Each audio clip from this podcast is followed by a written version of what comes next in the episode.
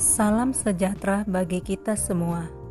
Perkenalkan, saya Rina Mariana Nababan SPD, Angkatan 33 Kelompok 3, peserta Latsar tahun 2021 dengan pengampu materi Bapak Dr. Andes Suryajaya, SH MPD. Di sini saya akan memaparkan tentang penerapan nilai-nilai komitmen mutu di unit organisasi. Teman-teman, sebelumnya kita harus tahu apa itu komitmen mutu. Komitmen mutu merupakan pemahaman konsep mengenai efektivitas, efisiensi, inovasi, dan mutu penyelenggaraan pemerintah. Pendidikan merupakan pondasi dasar untuk mencapai tujuan bangsa.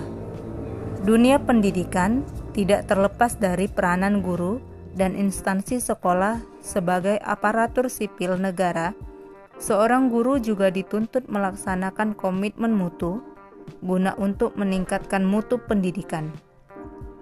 Komitmen mutu saya implementasikan sebagai wujud pengabdian saya terhadap bangsa dan negara.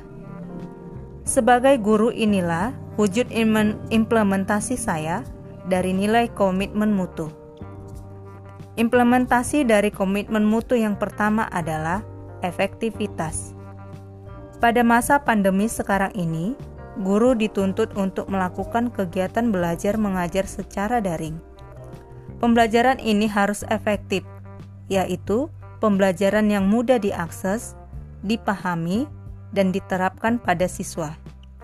Di sini, sebagai guru, kita dapat menggunakan media dan metode pembelajaran yang efektif, yaitu dengan melakukan pembelajaran menggunakan aplikasi Zoom ataupun Google Meet.